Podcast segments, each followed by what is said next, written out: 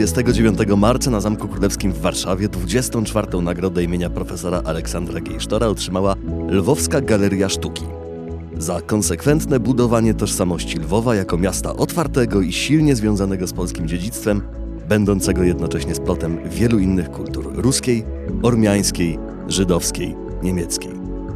Partnerem tego odcinka jest Fundacja City Handlowy imienia Leopolda Kronenberga, która od 1999 roku przyznaje nagrodę imienia Aleksandra Gejsztora, a odebrał ją w tym roku dyrektor galerii, pan Taras Woźniak, który jest dzisiaj naszym gościem. Dzień dobry. Dzień dobry.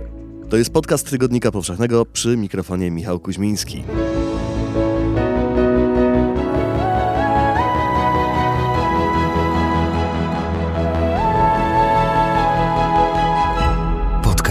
Tygodnika Powszechnego. Weź, słuchaj. Lwowska Galeria to największa taka instytucja na Ukrainie. 67 tysięcy eksponatów, jak wyczytałem, 18 oddziałów muzealnych. Częścią tej galerii są e, też zbiory malarstwa polskiego od XVI wieku do 1939 roku, w tym dzieła takich artystów jak Jacka Malczewskiego, Artura Grodgera, Olgi Boznańskiej, Stanisława Wyspiańskiego. I to jest chyba taki dobry moment, żeby na początek e, poprosić pana o opowieść o zbiorach tej galerii, zwłaszcza w kontekście tej wielokulturowości, która została podkreślona w werdykcie kapituły. Bo widać w niej naszą wspólną historię, prawda?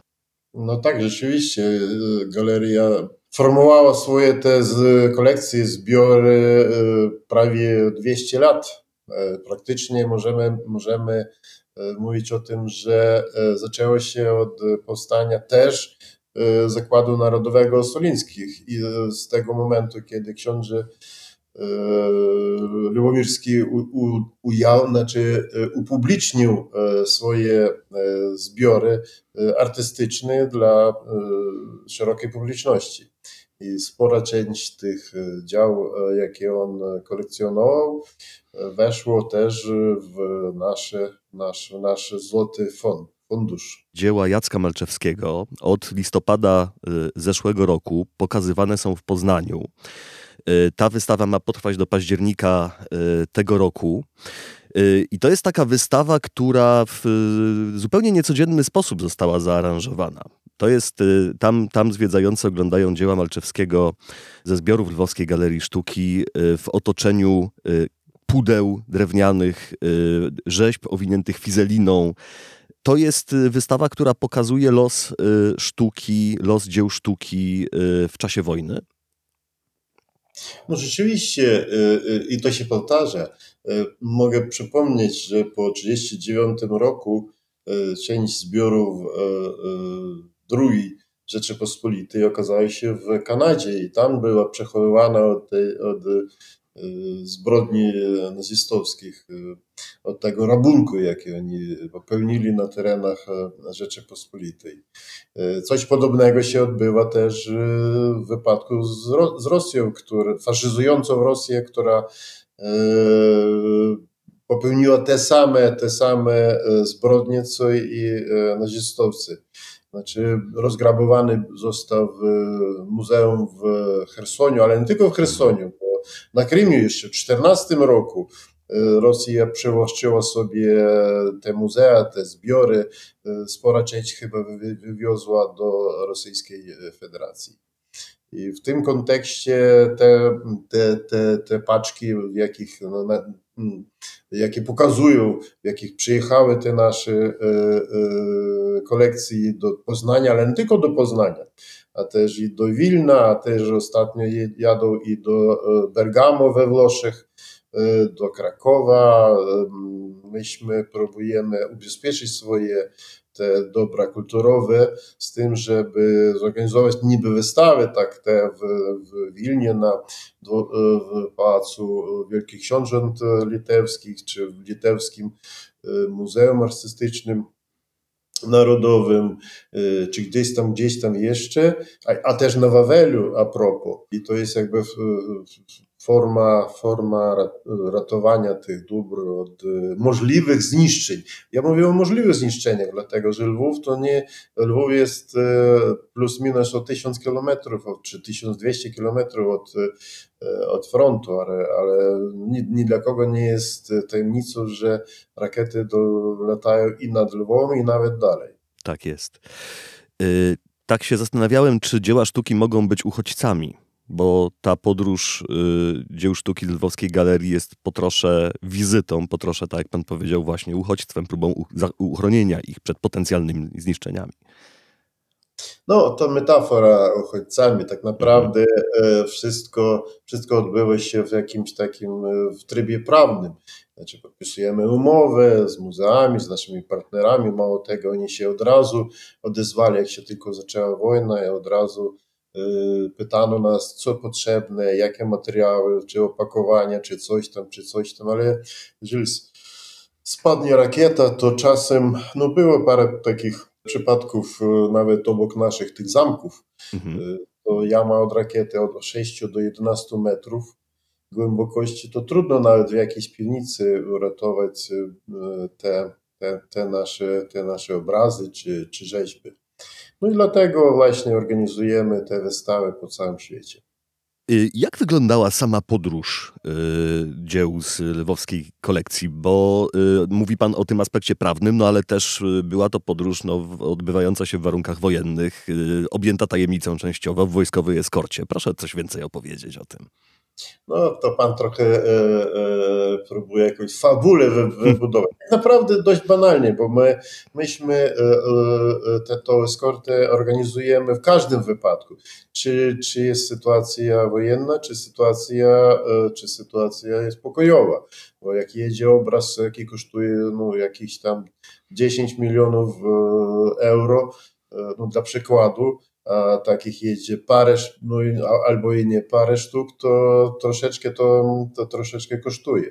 Znaczy i dlatego, i dlatego się wynajmuje specjalne służby ochrony albo, albo eskortę e, organizuje Policja Narodowa i e, nic, nic takiego e, hyper, hyper ekstraordynarnego tak naprawdę nie ma. Zawsze pracujemy cicho, spokojnie, bez jakiejś większej reklamy. Hmm. A jak wygląda y, ochrona dzieł sztuki y, dzisiaj y, w Ukrainie? Bo przecież to nie tylko y, eksponaty, które można schować do bunkra, prawda, czy wywieźć, no ale to też obiekty, to też budynki. No z obiektami trudniej. E, no jak, jeżeli to jakaś rzeźba, która, która nie jest aż tak duża, to znaczy tam czy worki z piaskiem, czy specjalne robią, robią e, instalacje, które, które miałyby chronić przynajmniej od e, jakichś od elementów tych, e, tych pocisków. E, ale kiedy, kiedy duży, duży obiekt, to praktycznie, praktycznie niemożliwe. Niestety tak to jest już. Inna sprawa, że te obiekty nie są jakby specjalnym celem dla, dla, dla, dla Rosjan. Y, dlatego, że nawet te rakiety, jak rakieta kosztuje od 10 do 20 milionów dolarów, to zrujnować jakieś muzeum takim kosztem, to jakby w jakimś sensie nie ma sensu. Tym bardziej, że oni, że oni nie mają już teraz aż tak dużo tych rakiet. Mm się wyczerpuje. Tak, produkują, ale produkują też mało dlatego dla nich ważniejsze chyba jakieś e, e, elektrownie, czy sieci elektryczne, coś takiego, niż, czy mosty, niż na razie, na całe szczęście, niż na razie muzea. Mm -hmm. Do tego zaraz chciałbym jeszcze wrócić, ale zanim o tym, chcę pana jeszcze zapytać, bo wspomniał pan o tym, że kolejna wystawa dzieł z Lwowskiej Galerii czeka nas w Krakowie. Proszę coś więcej na ten temat opowiedzieć. No, w, w planie właśnie e, tego ratowania dzieł sztuki e, myśmy dogadali się z e, dyrektorem Wawela, Andrzejem Betlejem, żeby zrealizować nasz już tak naprawdę dawny, dawny projekt eksponowania dział Johana Georga Pinzyla, czy Jana Jerzego Pinzyla, czy Iwana Georgija Pinzyla. Nikt nie zna, jak tak naprawdę nazywał się ten, ten autor, ale to fantastyczny rzeźbiarz XVIII wieku na Wawelu, z tym, żeby realizować tę ekspozycję w takiej formie, żeby te rzeźby były na takiej wysokości i w takich miejscach, jak oni byli swego czasu montowane w fantastyczny kościółek Bernardo Merytyna w Godowicy. No i coś, coś podobnego będzie. Jeszcze nie widziałem tego, ale 30, 30 marca będzie otwarcie i będę szczęśliwy być na otwarciu tej, tej bardzo ważnej wystawy. Z tym, że, z tym, że właśnie czas eksponowania tych rzeczy jakby jest czasem, czasem bezpieczności dla tych art obiektów. Mówi Pan o tym, że mm, e, Rosjanie mają na razie e, cele strategiczne bardziej związane z infrastrukturą niż y, z y, dziełami sztuki. Y, no niemniej już teraz można mówić o gigantycznej skali zniszczeń spowodowanych przez rosyjską agresję. W końcu zeszłego roku pojawił się raport UNESCO mówiący o uszkodzeniu bądź całkowitym zniszczeniu 213 wówczas, to na koniec zeszłego roku stan obiektów, w tym 53 poważnie lub całkowicie. Ogromne straty, zwłaszcza w obwodzie charkowskim i donieckim. E, ucierpiała też Kijowska Galeria Sztuki. I no, mówimy o czymś, co w, zgodnie z konwencją haską stanowi zbrodnię wojenną. No tak, e, oni pełnią nie tylko zbrodnie wojenne powiązane z kulturą, ale też z prawami człowieka, z prawami dzieci, z prawami kobiet e, i tak dalej, i tak dalej. Całe spektrum. To co, to, co było w czasie II wojny światowej, bo chyba chyba e, rozumiecie, że tak zwane oswobodzicieli e, zbrodni uczynili w, te, w tych czasach i nie tylko no, w Niemczech, ale też i w Polsce, ale też i w Ukrainie sporo. Tak, tak jest. Nic się nie zmieniło. Niestety, e, dziwne to jakoś jest, ale Rosja się nie zmienia. I, i naj, największy problem, oby rzadziej ona powracała ze swoimi tymi hordami do, do naszych terenów po co właśnie i walczą nasze żołnierze. Wylicza pan y, dzieła sztuki, wylicza pan y, też w tym kontekście y, straty w ludziach. Mówi pan o, o zabitych dzieciach, o zabitych cywilach, o zniszczonych domach. A ja się tak zastanawiam, czy czy, czy, można tu mówić o jakiejś hierarchii? No bo nas, jest takie powiedzenie, że nie czas żałować róż, kiedy płoną lasy, prawda? I zastanawiam się, czy w tej hierarchii ym, sztuka, zabytki, dziedzictwo kulturowe znajduje się gdzieś wyżej, niżej, czy to w ogóle jest właściwy język i, i jak, pan to, jak pan to widzi? Mi się wydaje, że to trudno, bo ludzkie życie, czy życie dzie, dzie, y, y, dzieci to nieporównalne z, może z jakąś infrastrukturą czy z elektronią z jednej strony, a z drugiej strony o co tak, o co tak naprawdę walczą Rosjanie. Mhm o to, żeby, żeby e, e, pozbawić nas swojej identyczności. Nie chodzi nawet o zabijanie, e, nie chodzi nawet o zabijanie dzieci. No to, to trafia się też, ale z drugiej strony najważniejsze to kradzież tych dzieci. 16 tysięcy dzieci prosto, prosto ukradli i wywieźli mhm. gdzieś tam do, do nie wiadomo, do, do Władywostoka, żeby zostali Rosjanami. No coś podobnego do Jasyru, jak kiedyś to było, mhm. jeszcze w osmańskiej, w osmańskiej porcie chyba. I mentalność tych dzieci, mentalność narodu jest ważniejsza. Ważne nie jest podbicie Polski, ważne jest tego, żeby Polska została Rosją. To było w XIX wieku i nie fakt, że nie może być jeszcze dalej. Dla, dla pana to wygląda jakoś takim marzeniem ściętej głowy ze strony Rosjan, ale trzeba się nad tym zastanowić, trzeba być bacznym. To wszystko, o czym pan teraz zaczął mówić, czyli mm, coś, co podpada pod kategorię zbrodni kulturowej, czyli tego, co ma podciąć korzenie, prawda, co ma podciąć tożsamość y, narodu, społeczeństwa, kraju, y, dotyczy też właśnie y, niszczenia, że tak powiem, materialnych objawów tej tożsamości, prawda? Czyli właśnie dzieł sztuki. Y, to jest działanie z premedytacją i tutaj Rosja, może nawet jeżeli zniszczenia są działaniami ubocznymi, prawda? Jeżeli, przepraszam za to nieadekwatne słowo, ubocznymi działań wojennych, no to już grabież jest bardzo, jest działaniem z premedytacją, a Rosja tej grabieży, zwłaszcza z terenów yy, anektowanych, dokonuje, prawda? Jaka to jest skala? Co wiemy o tej, o tej grabieży? No, jeżeli mówić powiedzmy o, o, o największe, największe miasto, jakie oni okupowali, to był Herson i w Hersonie e, stuprocentowo zrabowali muzea, wywieźli wszystko, co można było wywieźć. Znaczy wywiezie całą pamięć regionu południowej, południowej Ukrainy z tym, że chodzi nie tylko o złoto z, z cytów czy, czy coś takiego mhm. wielkie, spektakularne, ale i książki, ale i takie rzeczy, jakie niby sztuka ludowa i tak dalej, która też jest takim fundamentem identyczności ukraińskiej skale prosto gigantyczne. Co nie mogą wywieźć, to niszczą po prostu. To też znamienne, prawda, że, że te pierwsze obrazy, które, które widzieliśmy, o których słyszeliśmy, no to były te y, to była ta grabież nawet trywialnych przedmiotów, prawda? Wyposażenia domów, mieszkań i tak dalej. No co dopiero, gdy mówimy o, o, o przedmiotach tak ogromnej wartości, nie tylko um, kulturowej, no ale też zwyczajnie wartości materialnej. No, dlatego, że e, e, większość Rosji mieszka nie w Moskwie i Sankt Petersburgu, gdzie są w e, kible, przepraszam, a mieszkają gdzieś tam na tej Syberii, gdzie, gdzie to inaczej troszeczkę wygląda i czasem może nawet nie widzieli takiego urządzenia. No ale to żarty żartem, ale to, ale to nie żarty. Niestety, jak się okazuje, nie żarty. Hmm. Rosja jest takim gigantycznym, była eksporterem gazu, ale, ale gazyfikacja Rosji jest prawie nikła. E, większość gazu idzie na eksport, a właśnie Rosja, Syberia tego nie otrzymuje. My po prostu nie znamy tej prawdziwej Rosji. My, my, to znamy, ale, ale Zachód nie zna. Zachód przyjeżdża do Moskwy, tam patrzy parę, parę takich luksusowych budynków, samochody jakie, jakieś takie ze złotymi kołami.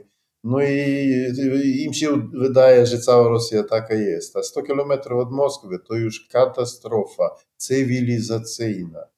Mhm. I, to, że, I to, że e, żołnierze, e, to nie Putin gwałci e, dzieciaków czy, czy kobiet, zabija starych, pali domy i tak dalej, to Rosjanie, a ich setki tysięcy, jeżeli nie miliony, które, które, które popierają takie, takie zachowanie.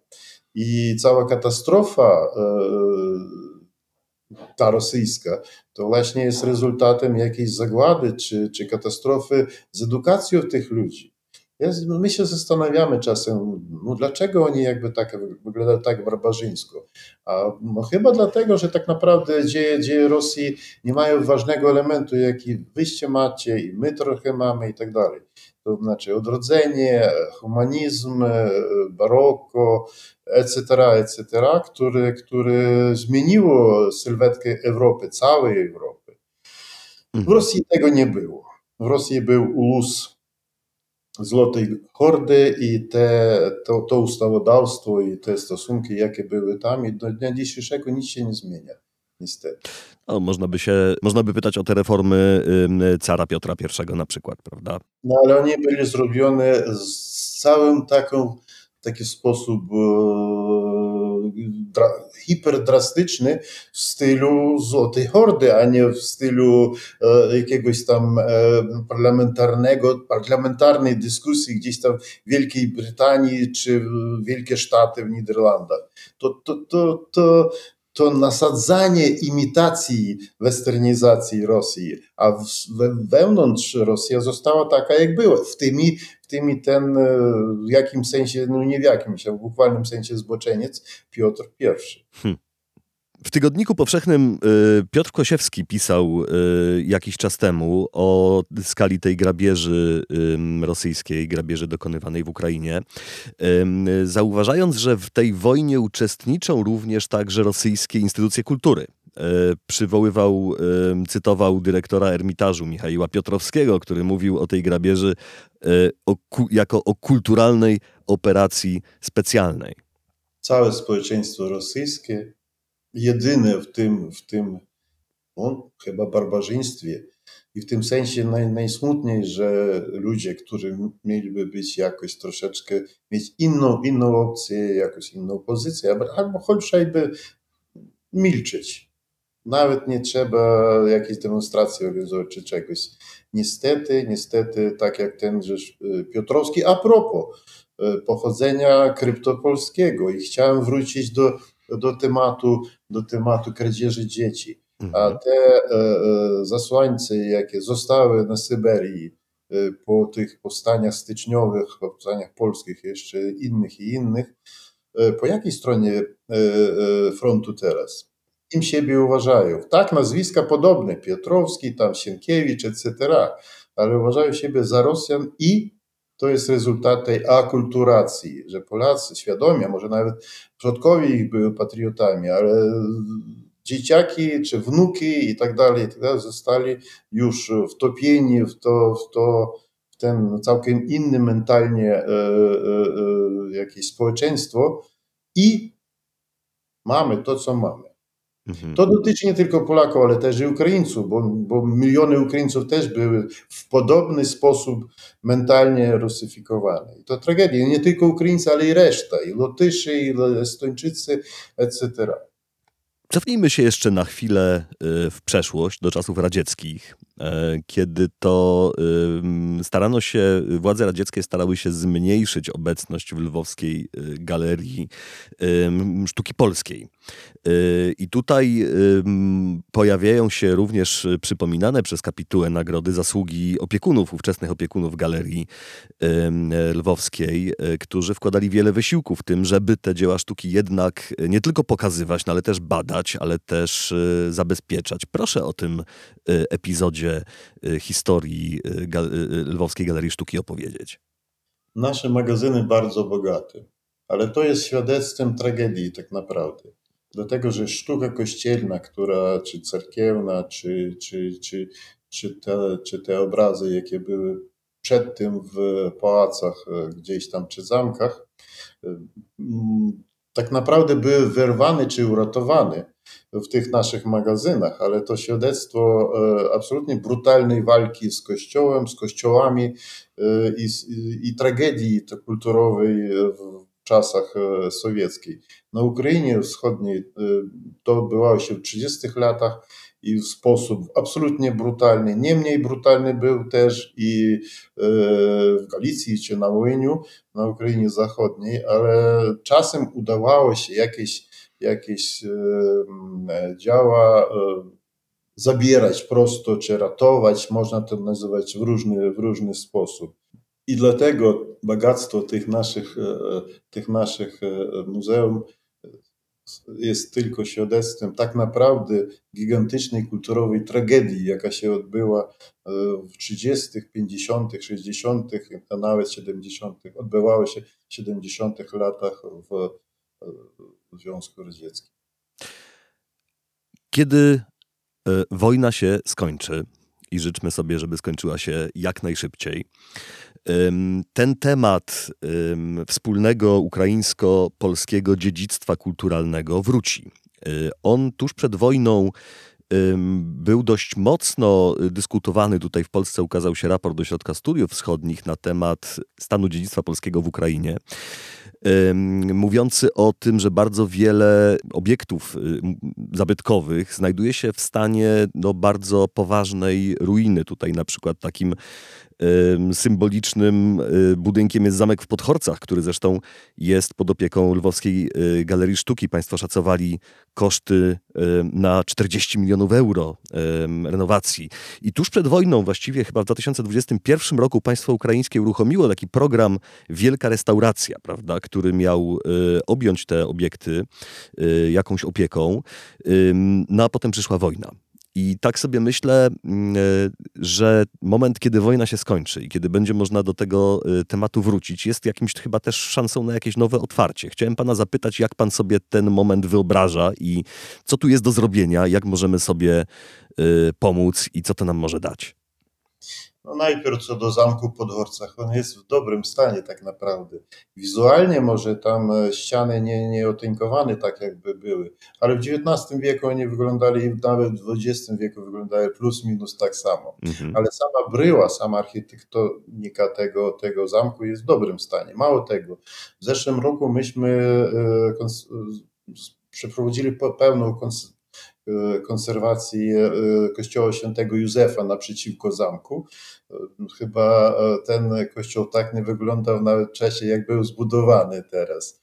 No ja troszeczkę żartuję. Mhm. Jasna sprawa, że myśmy, myśmy, będzie ciąg dalszy, mam nadzieję, te, tego programu, nawet w sytuacji wojny, myśmy staramy się odnawiać niektórzy, niektórzy obiekty. W tym a propos, przy pomocy Poloniki myśmy nawet tą zimą odnowiliśmy zabytek UNESCO Cerkwi Świętej Trójcy w Żulkwi. Nawet w sytuacji wojny zamek w Złoczowie otrzymał, otrzymał swoją tak należytą konserwację. Życie, życie idzie dalej, bez względu na, na, na wojnę i mam nadzieję, że po wojnie to pójdzie jeszcze szybciej. Inna sprawa, że rzeczywiście są takie zamki jak w Złoczowie czy w Żółkwi, które mniejsze i my ich możemy dźwignąć, ale zamek w Podhorcach to gigantyczna inwestycja albo robić go jakimiś takimi elementami powoli, albo, albo szukać jakichś wspólnych, wspólnych projektów. Jeszcze ostatni już chciałem by powiedzieć, że musimy odchodzić od filozofii y, albo albo, albo spuścizna polska w Ukrainie, albo ukraińska w Ukrainie, bo te zabytki tak naprawdę i, i wasze, i nasze, ale nie tylko wasze i nasze, ale też i żydowskie, i austriackie, i tak dalej, i tak dalej, polifoniczne. I myślenie w sposób i, i, i wasze, i nasze. Y, y, jakby robi, robi nieaktualny sposób myślenia albo, albo, bo albo, albo zawsze prowadzi do, do jakiejś, do, do kłócenia, do, do dyskusji, mm, jakie niczego tak naprawdę y, nie dają. A jak będziemy widzieć to jako nasze wspólne dobro, a tak widzimy to absolutnie i to jest oficjalna pozycja też y, państwa ukraińskiego, to wszystko będzie dobrze. Chcę pana na koniec zapytać i proszę mi wybaczyć, że to będzie takie górnolotne pytanie, ale ono mi cały czas chodzi po głowie. Chodzi mi pytanie po głowie o sens sztuki w czasie wojny. Po co jest sztuka w czasie wojny? Ratuje psychikę i mentalność naszą. W, w pierwszych dniach, jak zaczęła się wojna, to do do zamku, do naszego pałacu Potockiej przyjechały e, dwójka, dwójka fantastycznych e, e, malarzy z Kijowa, Wolodymyr Budnikow i Wlada Ralko. Fantastyczne.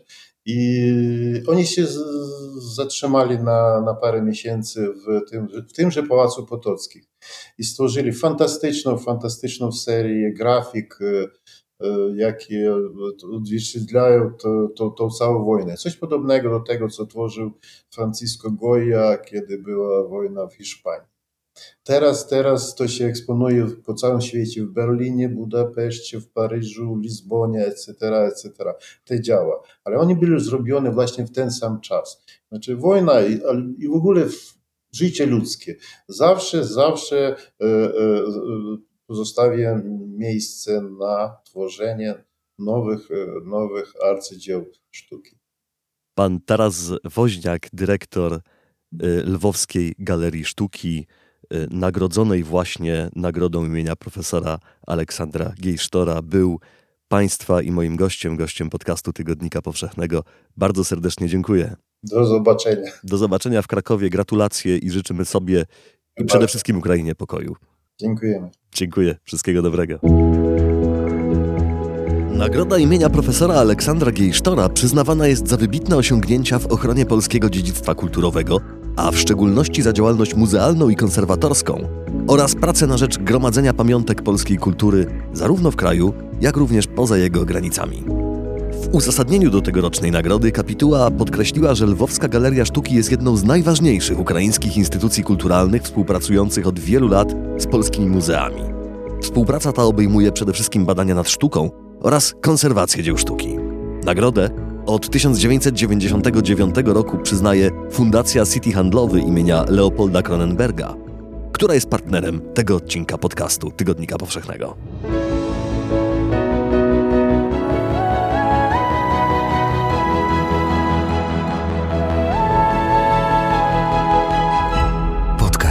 Tygodnika Powszechnego. Weź, słuchaj